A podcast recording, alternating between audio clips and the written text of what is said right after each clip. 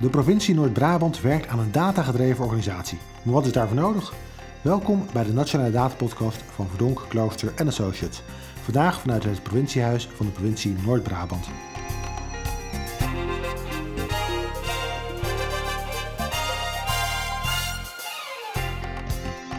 Welkom bij de Nationale Datapodcast. De podcast met inspirerende gasten en inzichten over het gebruik van data, algoritmes en artificiële intelligentie in de publieke sector. Mijn naam is Christian Vagen en mijn gast vandaag is Marcel Taats. Ongeveer uh, sinds anderhalf jaar uh, Chief Information Officer van de provincie Noord-Brabant. Welkom. Dankjewel. Uh, u heeft een hele interessante carrière achter de Kunt u daar iets over vertellen? Wie, wie, bent u?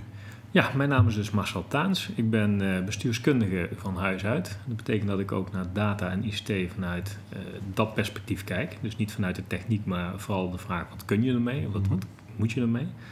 Ik heb dat na mijn studie bestuurskunde ben ik uh, gaan promoveren in Tilburg. En daarna ben ik de consultancy ingerold uh, bij verschillende bedrijven. Um, dat combineerde ik de laatste 12,5 jaar met een bijzonder hoogleraarschap in Rotterdam bij bestuurskunde. Het gebied van ICT en strategisch innoveren in de publieke sector. Mm -hmm. En uh, ongeveer anderhalf jaar geleden ben ik daarmee gestopt en ben ik als CIO begonnen bij de provincie Noord-Brabant. Met als opgave om de organisatie meer datagedreven te laten werken. En dat is zowel intern als uh, gericht op de provincie zelf. Mooi, mooie opgave, uh, de provincie datagedreven laten werken. Nu las ik een interview met u toen u begon hier bij de provincie Noord-Brabant, waarin u aangeeft, nou, we hebben een ambitie om datagedreven te werken. Dat doen we vanuit de kern dat het niet gaat om data om data of, of techniek om de technologie, maar altijd gekoppeld aan de maatschappelijke opgave van de provincie. Hoe is datagedreven werken gekoppeld aan de maatschappelijke opgave? Welke maatschappelijke opgaves gaat het dan om? Ja, wij, wij zijn een publieke organisatie. En uh, alles wat wij doen moet volgens mij gericht zijn op effecten die je in de maatschappij hebt. Je moet meerwaarde leveren ten opzichte van, van vraagstukken die opgelost moeten worden. Uh, dat kan gaan om stikstofproblematiek, mm -hmm. uh, energietransitie, uh, erfgoedzaken, natuur en milieu. Dus allerlei grote vraagstukken waar we, waar we mee te maken hebben. En wat je terecht al aangaf, uh, ik heb ook aangegeven, techniek is niet dominant. Het gaat niet om de data om de data. Het gaat om data als middel om vraagstukken op een andere manier te kunnen benaderen. Om op een andere manier na te denken over mogelijke oplossingen. Uh, wat mij betreft is uh, data een middel om het beleidsproces, alle beleidsfasen op een andere manier in te richten. Mm-hmm. van agendavorming tot toezicht en inspectie en alles wat ertussen zit. Ja. Uh, maar ook op, om anders te sturen. Het maakt andere sturingsconcepten mogelijk. Dat betekent dat je dus, uh, nou, een voorbeeld wat ik vaak gebruik zijn uh, 3D-metingen mm-hmm. voor geluidoverlast. Door 3D-metingen te kunnen doen, creëer je data die je kunt gebruiken om transparant te ontsluiten. Dus bewoners van een plein waar een feest gehouden wordt, die kunnen meekijken met de gemeente uh, of de geluidsnormen niet worden overschreden. -hmm. Op het moment dat dat uh, wel gebeurt, zien ze dat meteen. Maar meestal blijven die binnen de normen. En dan gaan ze dus niet op zaterdagavond naar de gemeente bellen. Dat scheelt een hele hoop telefoontjes. -hmm. Je hoeft geen inspecteurs op zaterdagavond te sturen, wat een hele dure oplossing is. En wat nog belangrijker is, uh, je, je, krijgt dus begrip bij burgers voor wat er gebeurt. Maar de organisatoren van zo'n festival of van zo'n feest, die kijken ook mee. En uh, die weten dat alles geregistreerd en transparant is. Dus op het moment dat het volume te hoog gaat, dan draaien ze hem zelf ook terug. Dus je krijgt zelfregulering. Nou, dat principe, dat kun je met data gaan toepassen op allerlei vraagstukken. Dus los van het feit dat je beleid anders kunt organiseren, mm-hmm. kun je ook echt je sturingsconcepten gaan veranderen. Dus het leidt, leidt tot meer transparantie, het leidt ook tot kostenbesparing aan, aan, de achterkant. Hè? Want je Zeker. hoeft er niet meer de handhavers naartoe te sturen. En vanuit nou het, uh, het takenpakket van de provincie, waar ziet u daar de grootste uh, bijdrage van datagedreven werken? Ja, ik denk dat het eigenlijk op alle terreinen is waar we actief zijn. Uh, soms wat meer dan andere, maar wat ik ook probeer aan te geven is dat juist vanuit data kijken een, een meerwaarde heeft voor alle vraagstukken. Uh, neem de energietransitie. Mm-hmm. uh, je kunt dat zien als een, een programma, een groot programma bij ons, wat zich richt op afstand nemen van fossiele brandstoffen en daarvoor in de plaats vernieuwbare energie, of hernieuwbare energie tot stand brengen. Als ik daar naar kijk, dan zie ik ook vooral een datavraagstuk. Uh, het is op een slimme manier vraag en aanbod bij elkaar brengen. Uh, er zijn vragers van energie, er zijn steeds meer aanbieders van energie. Dat kunnen ook particulieren zijn die zonnepanelen hebben, windmolens op hun dak, die terugleveren aan het net. Mm-hmm. En het grote probleem is dat je de energie nauwelijks of moeilijk kunt opslaan.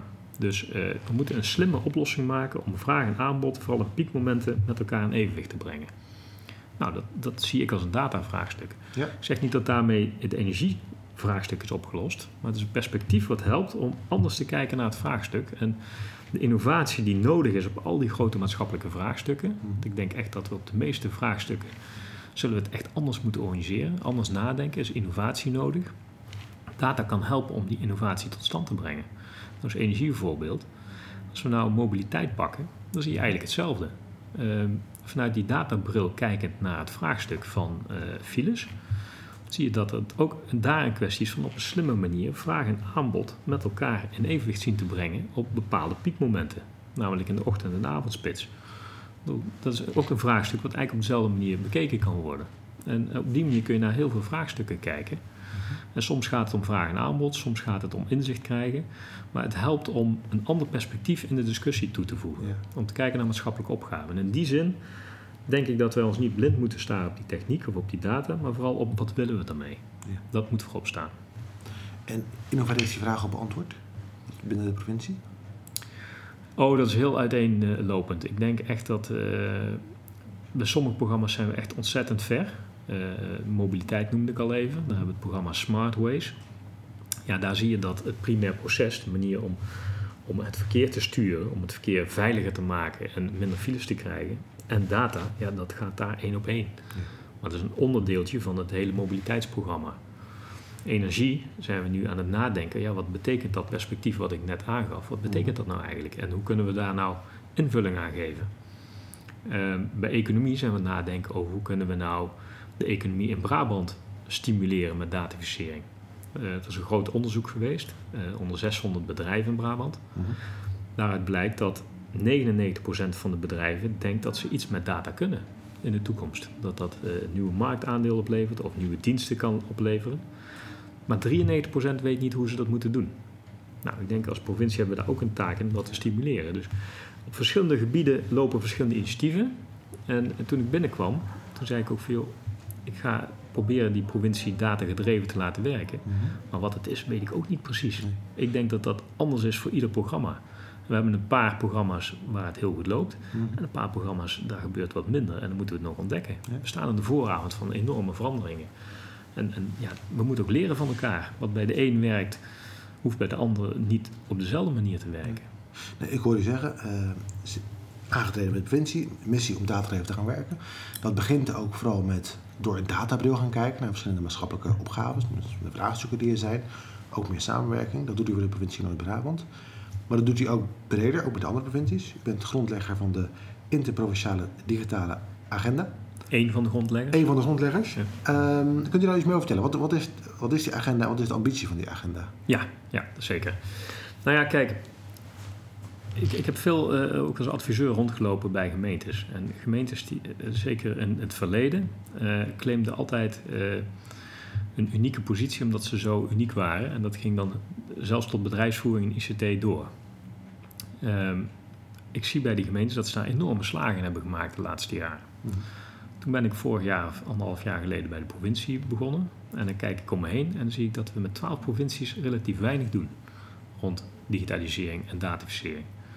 Dus we hebben de koppen met een paar mensen in elkaar gestoken. En zeggen van ja, dat is eigenlijk toch heel raar. We moeten toch veel meer dingen samen oppakken.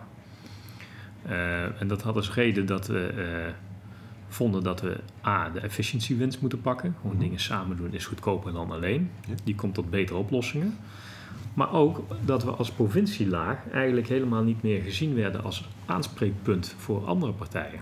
Waterschappen hebben een, uh, een digitaal plan, het Rijk heeft een digitaal plan, de VNG heeft een toekomstplan. En waar was dat van die provincies? Uh, we hadden wel iets, maar dat was heel weinig ambitieus. Dus hebben we gezegd, nou, we willen gewoon onze rol pakken. We willen een aanspreekpunt vormen ook voor andere bestuurslagen. En we willen gewoon ook inhoudelijk een paar slagen maken. We hebben gewoon uh, een wereld te winnen als we dat samen gaan doen. Dus daar zijn we mee begonnen en uh, daar zijn we nu mee bezig. Dus we welke nu... slagen willen jullie maken?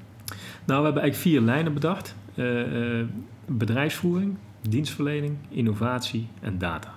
En op die sporen zijn we nu bezig om een aantal projecten te definiëren waarmee we ieder spoor gaan laden. Om uh, niet de korte termijn, maar ook op de lange termijn te zorgen dat we een been bijtrekken waar het gaat om digitalisering en het benutten van de kansen van, uh, van de digitale transformatie. Maar ook wel inspelen op de risico's. Dus ook die ethische kant gaat ook wel degelijk mee. Oké. En met, wel is er een ambitie geformuleerd? Uh, wat wil je eigenlijk bereiken nadat die vier, die vier die slagen gemaakt zijn over die vier lagen heen? Ja, de ambitie is. Uh, uh, we zijn nu bezig om, om die ambitie goed te formuleren. Maar de ambitie is in ieder geval om met elkaar meer snelheid te maken in die ontwikkelingen. En gewoon de kansen die er liggen voor digitale transformatie te benutten mm -hmm. en de risico's te beperken. En je kunt natuurlijk niet heel ver in de toekomst kijken, zeker niet op dit gebied. Maar ja, we hebben gewoon een aantal dingen wat laaghangend fruit is en een paar dingen die we gewoon uh, samen belangrijk vinden. Het gaat vooral om even de, in deze fase om de energie te mobiliseren die in die twaalf ja. provincies zit ja. op die thema's. En vooral de lijn, over de lijn van de samenwerking gezamenlijk met elkaar na te gaan denken of te gaan ontwikkelen, te gaan uh, uh, experimenteren misschien ook wel Zeker. met wat zijn de mogelijkheden die er zijn, welke kansen zien we nou ook wel, maar ook met begrip voor de, de, de, de, de risico's zoals je net ook zei, Zeker. de ethiek. Ja, kijk en wat, wat gaan we gezamenlijk doen rond dienstverlening? Die vragen delen we met elkaar. Uh, bedrijfsvoering uh, kunnen we nou niet heel gericht ook samen bijvoorbeeld databestanden gaan inkopen. Ja. Nu doen we dat ieder voor zich. Uh, dat kan slimmer. Dus op een aantal vlakken gaan we, gaan we dit soort oplossingen zoeken. En binnen het dataspoor, wat ik dan mag leiden, dan zijn we bezig om, om, na te denken over de inrichting van een datalab. De meeste provincies, of een aantal provincies zijn bezig met de inrichting van een datalab. -hmm. Ieder doet dat weer op zijn eigen manier. Op zich niet erg, maar wat leren we nou van elkaar? De aanpak die gekozen is hele interne benadering. Doe je het meteen met externe partners? Uh, richt je het vooral op je eigen provincie? Uh, gaan we het samen doen? Welke onderdelen lenen zich daarvoor? En dat kan wat mij betreft vrij ver gaan. Kijk, er is ook schaarste op uh, data science gebied. -hmm. Als we data gedreven willen werken, zullen we ook data scientisten aan moeten trekken. Nou ja, misschien is dat voor een individuele organisatie heel ingewikkeld. Ja. want ze zijn schaars en duur en dat soort vraagstukken. Nou, misschien kunnen we dat samen veel beter organiseren. Dus dat zijn de dingen waar we over na moeten denken met Ja. z'n allen. En, en misschien nog wel prematuur, want het is net begonnen ermee. Het gaat nu over het mobiliseren van de energie. Ehm, maar welke, wat, welke uitdagingen? Wat, wat moet er gebeuren om die slagen te maken? Ja, dan laat ik het perspectief van de, provincie even, van de provincies even los en beperk het even tot mijn eigen provincie. Mhm. Uh, ik denk de belangrijkste slag die wij moeten maken is hoe wij de kloof tussen de wereld van beleid en de kloof tussen de wereld van data kunnen, kleiner kunnen maken. Uh, ik zal hem wat toelichten.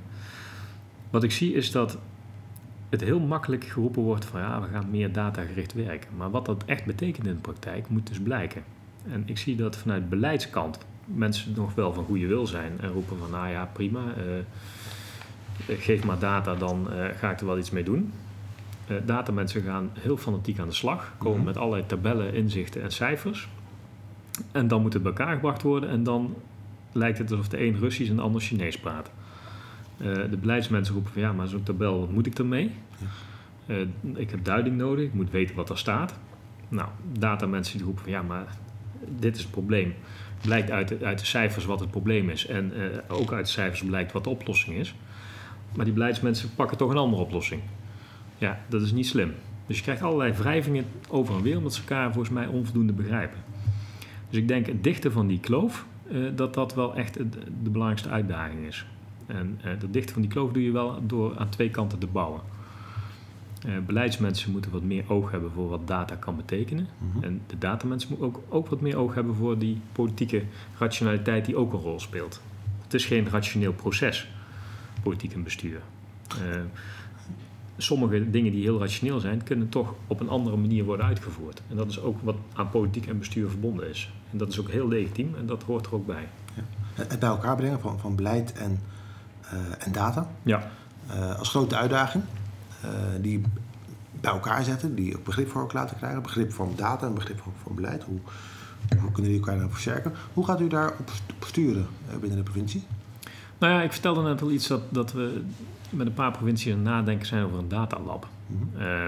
uh, ik, ik, wil dat ook binnen onze provincie gaan inrichten. Uh, vooralsnog even voor de provincie zelf, maar in een later stadium denk ik ook dat andere publieke organisaties daar best gebruik van kunnen maken, gemeenten of uh, andere organisaties. Een datalab is voor mij uh, niet data georiënteerd, maar is vooral gericht op het tot stand brengen van die ontmoeting tussen beleid en data. Ik wil een, een plek hebben, fysiek, virtueel, maakt me niet zoveel uit, Mhm. waar beleidsprogramma's terecht kunnen met vragen en daar geholpen worden om ze te vertalen naar beleidsvragen. Want dat is iets heel anders. Eh, dus geef aan waar je mee zit. Wij proberen op allerlei vernieuwende manieren proberen we te doorgronden van nou, wat betekent dat nou als je het vertaalt naar data? Welke databronnen hebben we? Welke oplossingen hebben we eventueel in andere domeinen al ooit bedacht die voor jou ook relevant kunnen zijn? Kunnen we dat laten zien aan je? Want toch, seeing is believing, ook in deze wereld. Ja. Het is hele abstracte materie. Als je een dashboard kunt laten zien die we op een, bijvoorbeeld voor mobiliteit gemaakt hebben. We hebben dat gedaan in, eh, vorig jaar. Twee bestanden gecombineerd met elkaar. Mhm. Eén was eh, de drukte op de Brabantse wegen. Mhm. En de andere was het aantal ongevallen op die Brabantse wegen. En als je dat combineert, dan zie je precies dat op welke dag de meeste ongelukken gebeuren en dat soort zaken. Maakt niet eens zoveel uit wat het doel ervan is, maar je kijkt ernaar en ik heb dan al 30 vragen. Op die dag zie ik om 4 uur heel veel ongelukken. Wat is er aan de hand? Regende het toevallig of was er iets bijzonders aan de hand? En dat is precies hoe het moet gaan werken. Je moet enerzijds voorbeelden naar voren brengen, waardoor mensen getriggerd worden om, om na te denken. Hey, als Mhm. dat bij dashboard voor mobiliteit kan, kan dat dan misschien voor energie ook. Kan dat misschien voor programma X of Y ook. Dus mensen inspireren. Mhm. Aan de andere kant ook meenemen aan de hand van, nou ja, als je dit wil weten, waarom wil je dat weten? En wat, wat, wat ga je ermee doen? En ik vind altijd dat ook data vergezeld moeten gaan van handelingsopties. Mhm. Eh, het is te makkelijk om alleen maar tabellen te leveren. Je moet ook vertellen wat betekent dat dan. En eh, een bestuurder moet je opties voorleggen waaruit gekozen kan worden. En je kunt niet verwachten dat bestuurders dat zelf kunnen. Dus je moet ze echt bij de hand nemen en, en handelingsperspectieven schetsen. En dat is natuurlijk wel ingewikkeld, want daar hebben we heel weinig ervaring mee hoe je dat doet. Ja. Dus ook, ook hier eigenlijk weer de grote uitdaging zit vooral in het, in het bij elkaar brengen, maar ook gewoon door een databril te kijken naar vraagstukken. En dat gaat uiteindelijk weer vragen oproepen. En dat, Ja. ja, uiteindelijk zou je daar een soort vliegeleffect van mogen verwachten, tot, tot de organisatie daardoor ook steeds meer data gedreven wordt. Ja. Ehm, nu heeft u, eh, begonnen eigenlijk de, de podcast ook mee met het schetsen van, van uw loopbaan. Lange historie als, als consultant. Vervolgens ook hoogleraar eh, bestuurskunde in Rotterdam. En nu als CEO aan de slag binnen de provincie.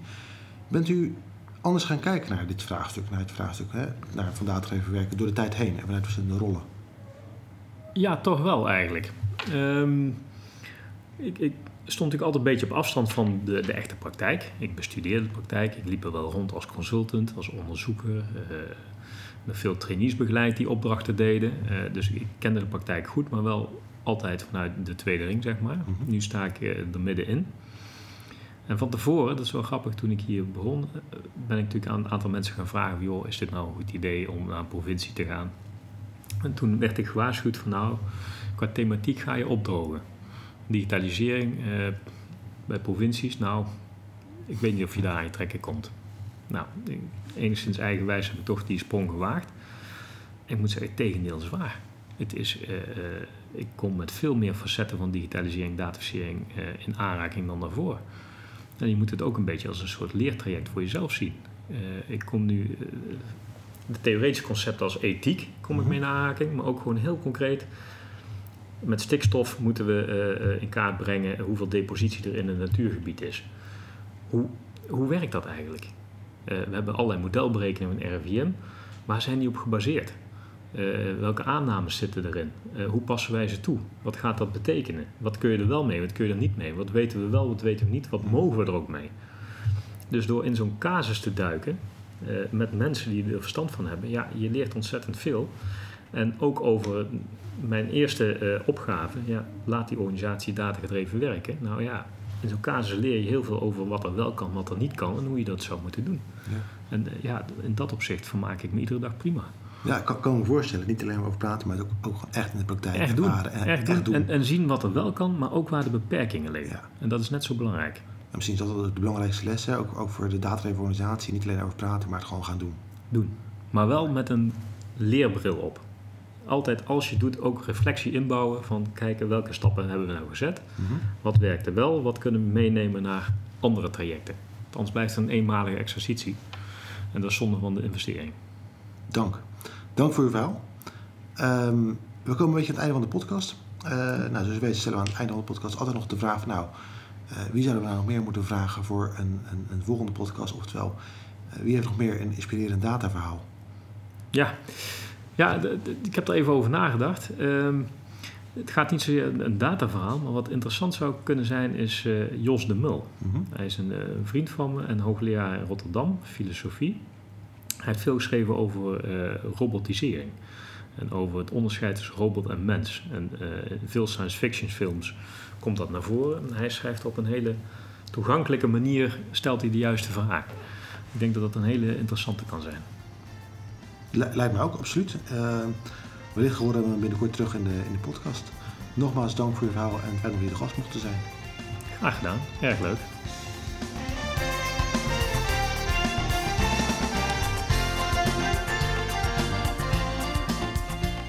Hiermee zijn we aan het eind gekomen van deze aflevering van de Nationale Data Podcast. Bedankt voor het luisteren. Abonneren of terugluisteren van alle afleveringen van de Nationale Data Podcast kan via iTunes, Spotify of je favoriete podcast app. Tot een volgende keer.